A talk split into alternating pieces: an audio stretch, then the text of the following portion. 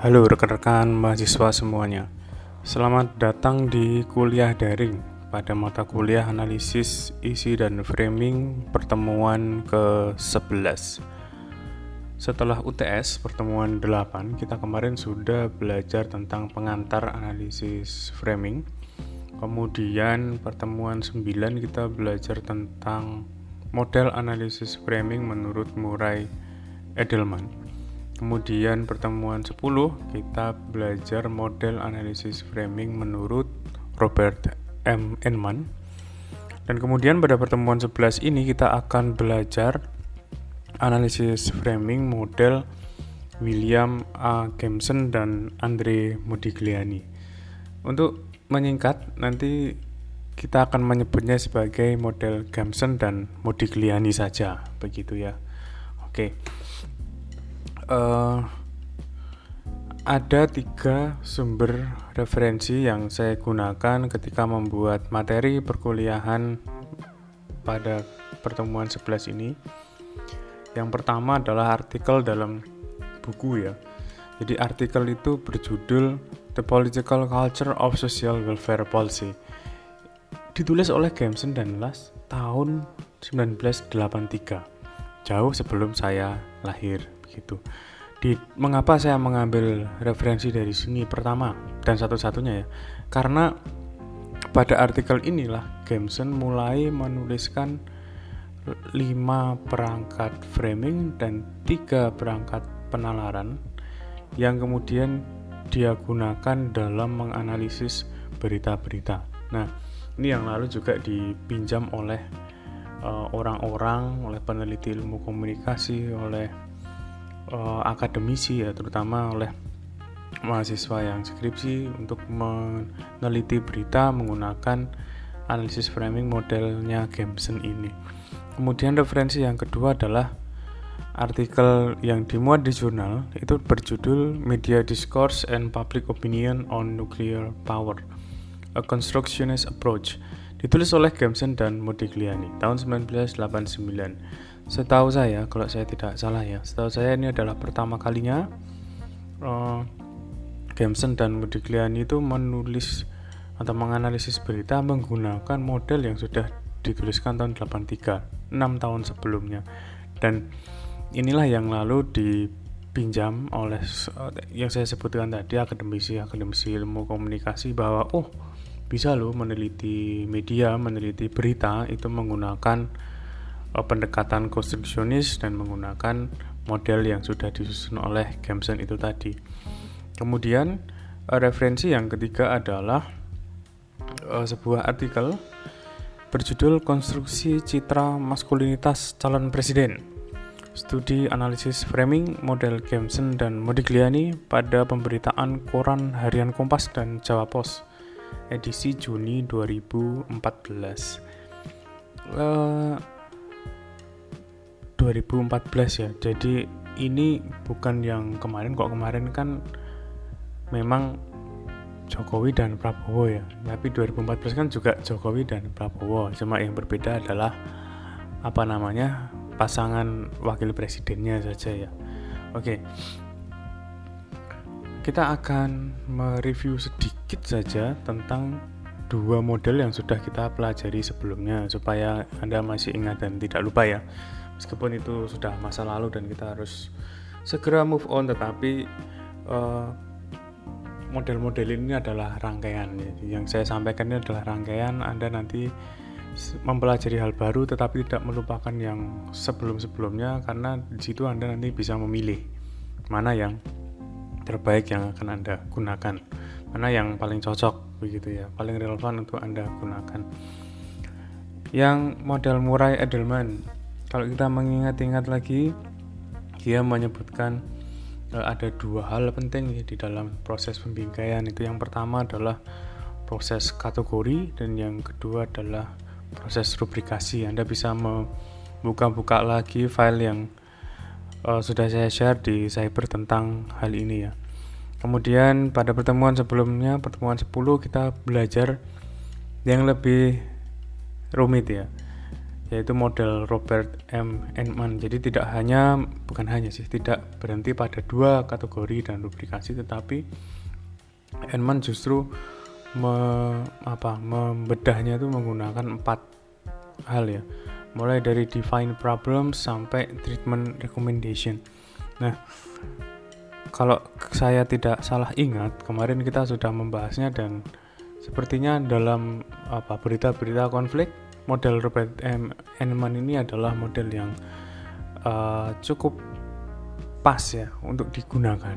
Tapi apakah hanya modelnya Enman saja? Tapi nanti kita akan lihat di pertemuan ini modelnya siapa Kempson dan Modigliani dengan pertemuan yang keempat eh, sorry yang ke-12 besok tentang Pan dan Kosiki kita akan lihat apakah uh, konflik itu hanya bisa di Enman saja atau sebenarnya yang di lainnya juga bisa.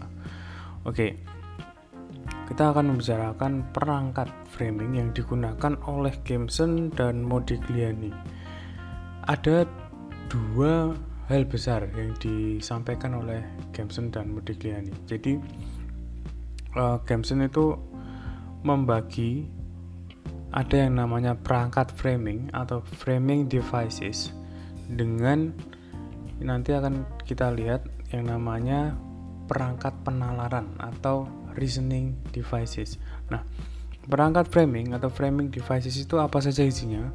Isinya adalah metaphors, exemplars, catchphrases, kemudian depictions dan visual images.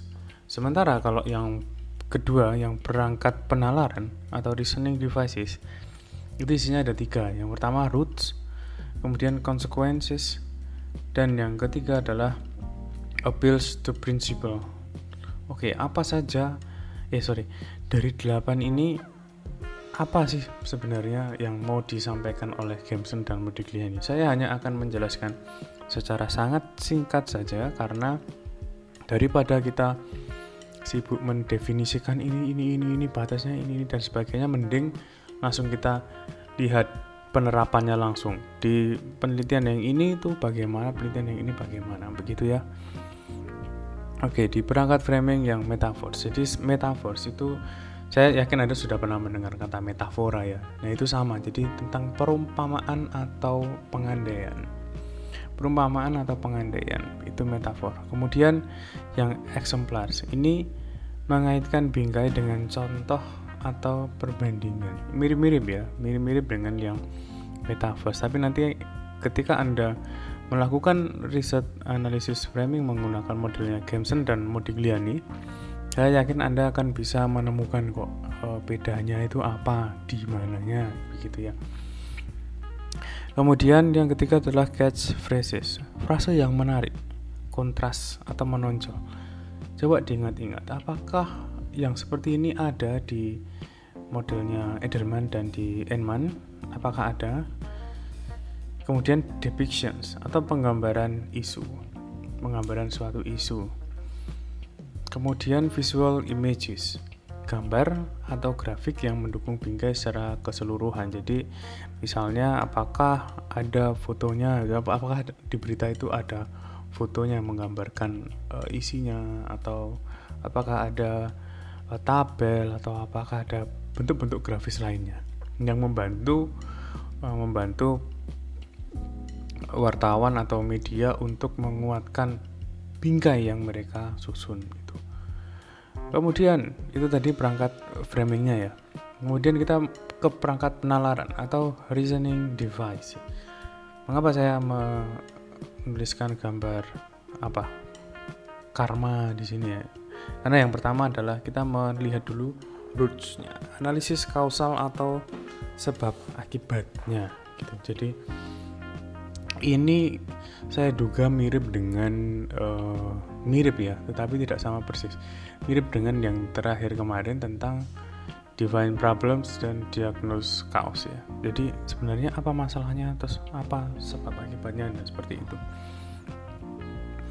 Kemudian yang kedua adalah consequences. Jadi ini dijelaskan sebagai efek atau konsekuensi yang didapat dari bingkai itu.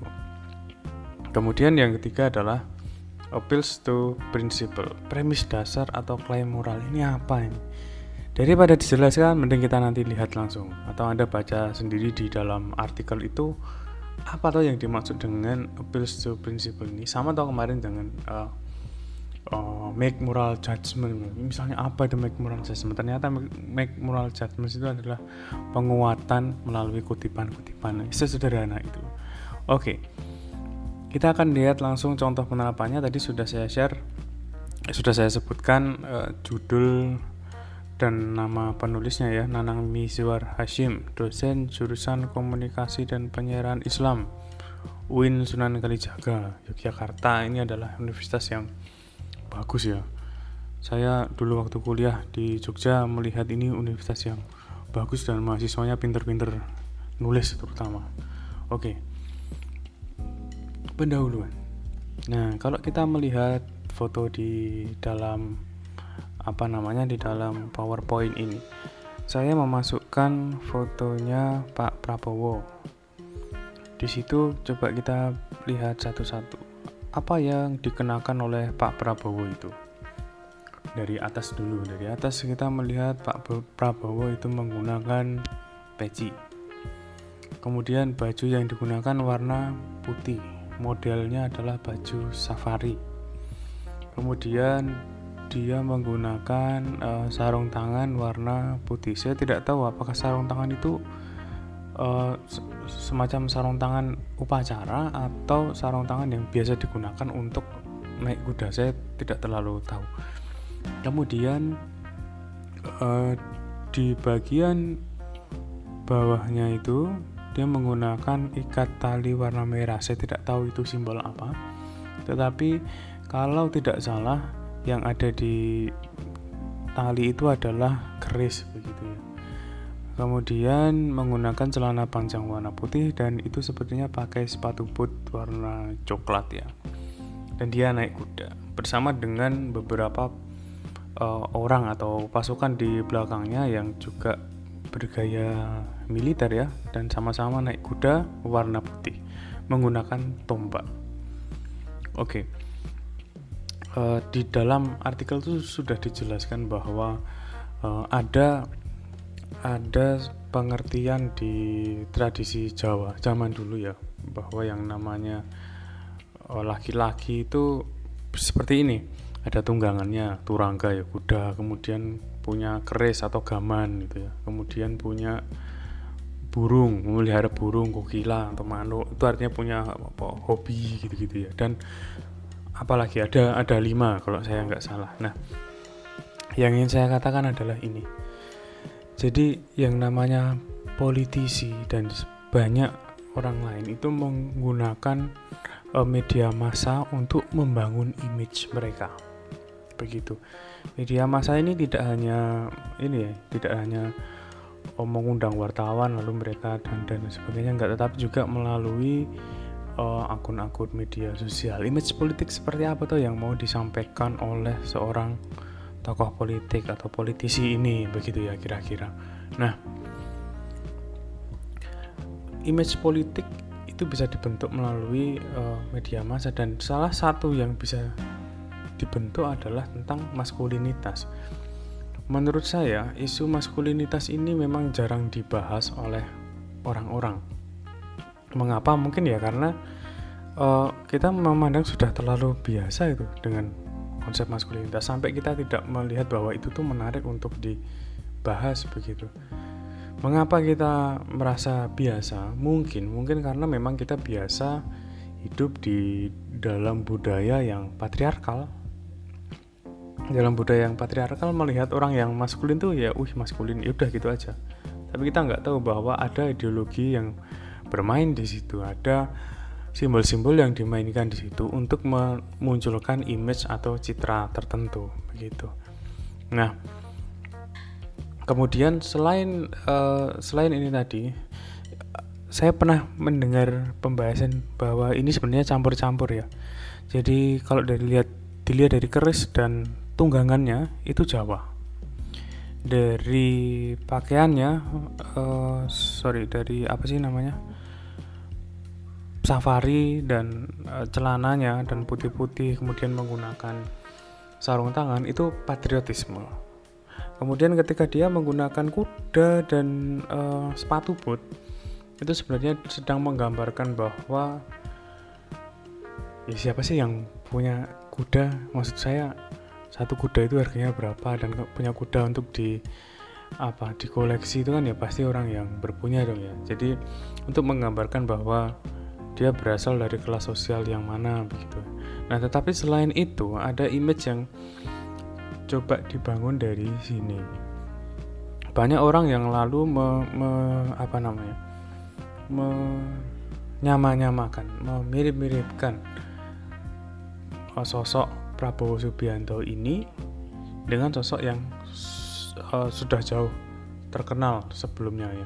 Jadi kalau Anda memperhatikan dari cara berbicaranya dengan menggunakan mic-mic seperti ini, kemudian uh, memotret dari bawah, itu tuh bukan bukan sekadar oh karena fotografernya cuma ada eh cuma dapat tempat di bawah nggak kayak gitu. Tapi memotret dari bawah itu kan uh, ingin menunjukkan sisi heroismenya begitu ya. Nah banyak lalu yang menyama-nyamakan memirip-miripkan sosok Prabowo cara berpikirnya, cara berbicaranya, cara berpakaiannya, kemudian gesturnya itu mirip dengan Presiden Soekarno, presiden pertama uh, Indonesia ya. Nah, caranya seperti itu katanya lo ya. Nah, di sini kita melihat dengan lebih jelas ya uh, keris yang ada di apa namanya sebelah kirinya Pak Prabowo itu tadi. Tampaknya tadi tidak terlalu terlihat di ini di gambar yang kuda tadi ya. Oh, terlihat sedikit. Oke. Nah, kemudian kita masuk ke kerangka pemikiran yang disampaikan oleh penulis. Penulis me menyebutkan ada dua kerangka pemikiran, tapi sebelumnya saya ingin menunjukkan dulu mengapa saya menggunakan gambar ini. Kalau Anda lihat, ini sebenarnya mau menunjukkan apa tahu? ada orang yang badannya gede kemudian rambutnya ini pendek ya rambutnya pendek kemudian alisnya tebal kumisnya tebal jenggotnya tebal. Kemudian badannya ya seperti eh, tadi saya ulangi ya badannya gede kemudian dia pakai apa itu? Kapak membawa kapak. Yang dimaksud atau yang sering disampaikan di dalam gambar-gambar seperti ini disebut sebagai uh, maskulinisme tradisional.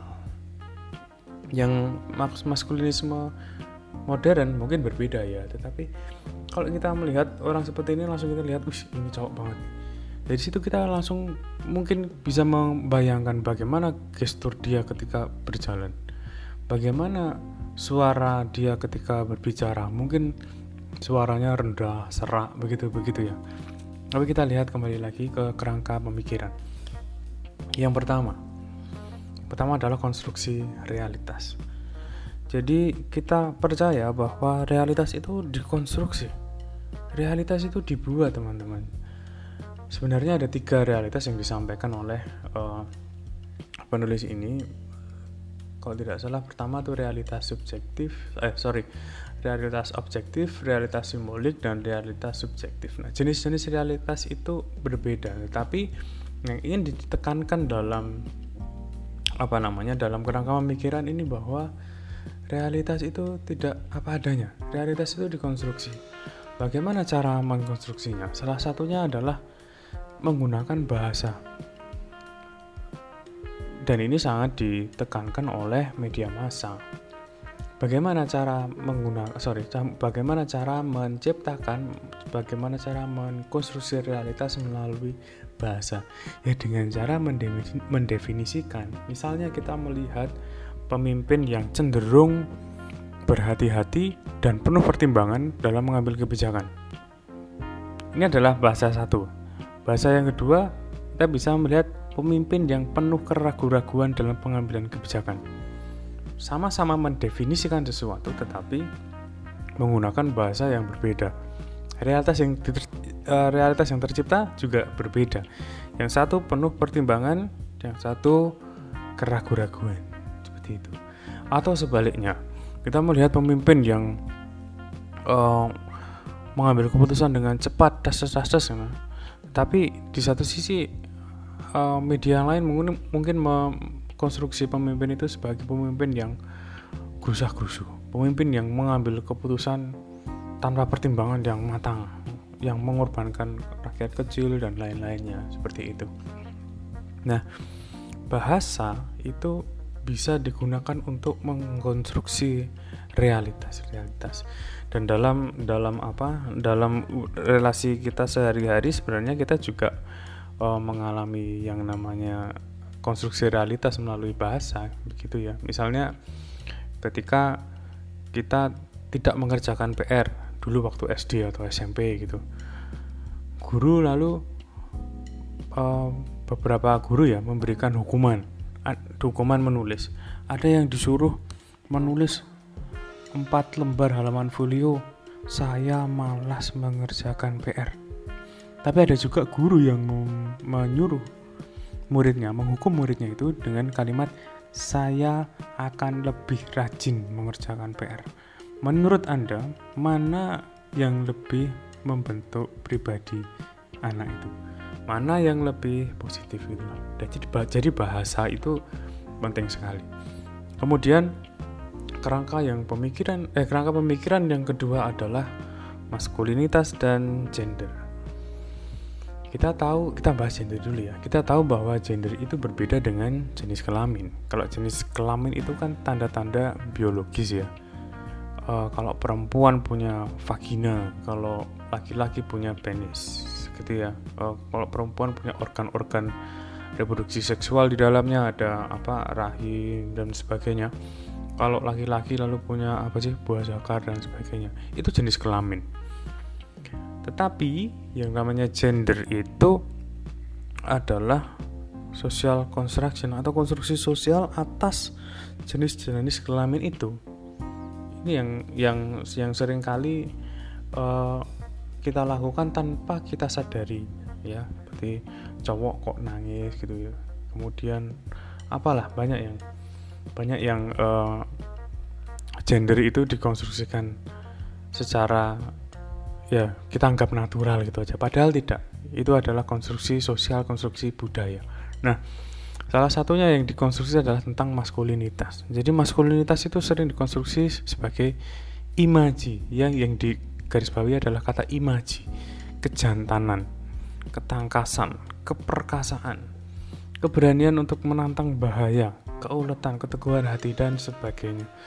Jadi yang namanya maskulin tuh yang seperti itu. Itulah kenapa uh, meskipun kita tidak sepakat ya, itulah kenapa banyak uh, ejaan-ejaan kepada laki-laki yang takut itu sebagai apa? Oh, banci, ya karena dia takut mengambil apa? Karena dia takut ngapa? Dikatain banci atau ya wes nganggo rok wae pakai rok aja. Loh apa? Kalau pakai rok perempuan. Kalau berarti perempuan berarti takut. Kayak gitu loh itu yang namanya oposisi biner. Jadi memandang uh, sesuatu memandang semua hal itu sesuatu yang harus dikutub-kutubkan seperti itu. Kan tidak tidak benar juga. Ya masa perempuan selalu takut atau laki-laki selalu berani. Kan dia nggak kayak gitu tuh. Tapi itulah uh, hal yang dikonstruksi oleh sosial oleh oleh kebudayaan. Sampai kita kadang-kadang uh, keluar gitu keluar dari kata-kata keluar dari pikiran itu tanpa mikir tanpa uh, tanpa kita sadar bahwa itu dikonstruksi gitu. Oke, kemudian kita melihat hasilnya ya. Nah ada beberapa yang saya kutip di sini Kampanye Akbar pasangan calon nomor satu, calon nomor urut satu Prabowo Subianto Hatta Rajasa berlangsung serius tapi santai. Prabowo seperti biasa tampak berapi-api saat orasi. Oke, sini dulu. Berapi-api itu kan sebenarnya adalah semacam metafora ya. Itu dimasukkan di metafor itu tadi. Apakah muncul apinya betul? Ya tentu saja tidak, karena kebakaran nanti. Tapi tampak berapi-api itu berarti oh cowok banget ya kan? Bertenaga begitu ya. Namun di satu sesi Prabowo menyempatkan diri untuk memperkenalkan Titik Soeharto. Untuk teman-teman yang belum tahu Titik Soeharto adalah mantan istri dari Prabowo Subianto. Soeharto adalah anak dari Presiden Soeharto. Nah,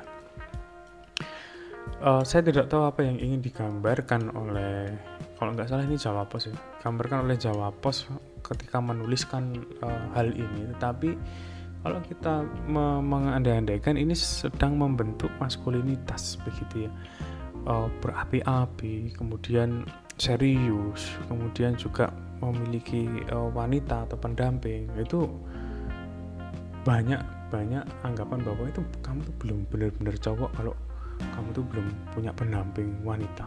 Gitu gitulah itu kan sebenarnya juga apa ya ada yang bilang itu toxic masculinity dan sebagainya. Kan orang bisa milih. Saya memang nggak mau sama wanita atau oh, maksud saya bisa milih itu adalah bukan orientasi seksualnya. Tapi kalau misalnya memang saya tidak mau menikah saya tidak mau berkomitmen dengan seseorang lalu kenapa? Gitu loh. Kemudian hasil yang berikutnya. Nah ini. Kompas menampilkan sisi maskulinitas Prabowo dengan memaparkan kegagahan dan kewibawaan dengan memakai baju kebesaran yang seperti Bung Karno dan melambaikan tangannya kepada pendukungnya sambil duduk di kendaraannya yang dimaknai syarat dengan simbol maskulinitas tradisional. Anda pasti tahu bahwa kalau ya di di, di apa namanya di film-film itu ya bagaimana raja itu datang di sebuah tempat lalu disambut oleh rakyatnya dan dia uh, melambaikan tangan begitu ya. Nah, itulah yang sepertinya ingin di image yang mau dibentuk oleh Prabowo itu. Kemudian sama yang yang sama atau mirip dengan yang tadi, Prabowo itu ditampilkan dengan penuh kewibawaan, jiwa yang bersemangat, nasionalis, tegas. Pokoknya semua konsep maskulinitas yang ada di dalam uh, diri Presiden Soeharto dan Presiden Soekarno. Begitu ya. Kalau Soekarno, ya kalau Soeharto Anda mungkin sudah banyak membaca ya. Beliau itu uh, tuturnya tuh lembut, sangat lembut dan sangat kebapaan, Jawa banget lah, Jawa banget. Tetapi uh, keputusan-keputusannya sering kali uh, dianggap tangan besi ya, tegas begitu.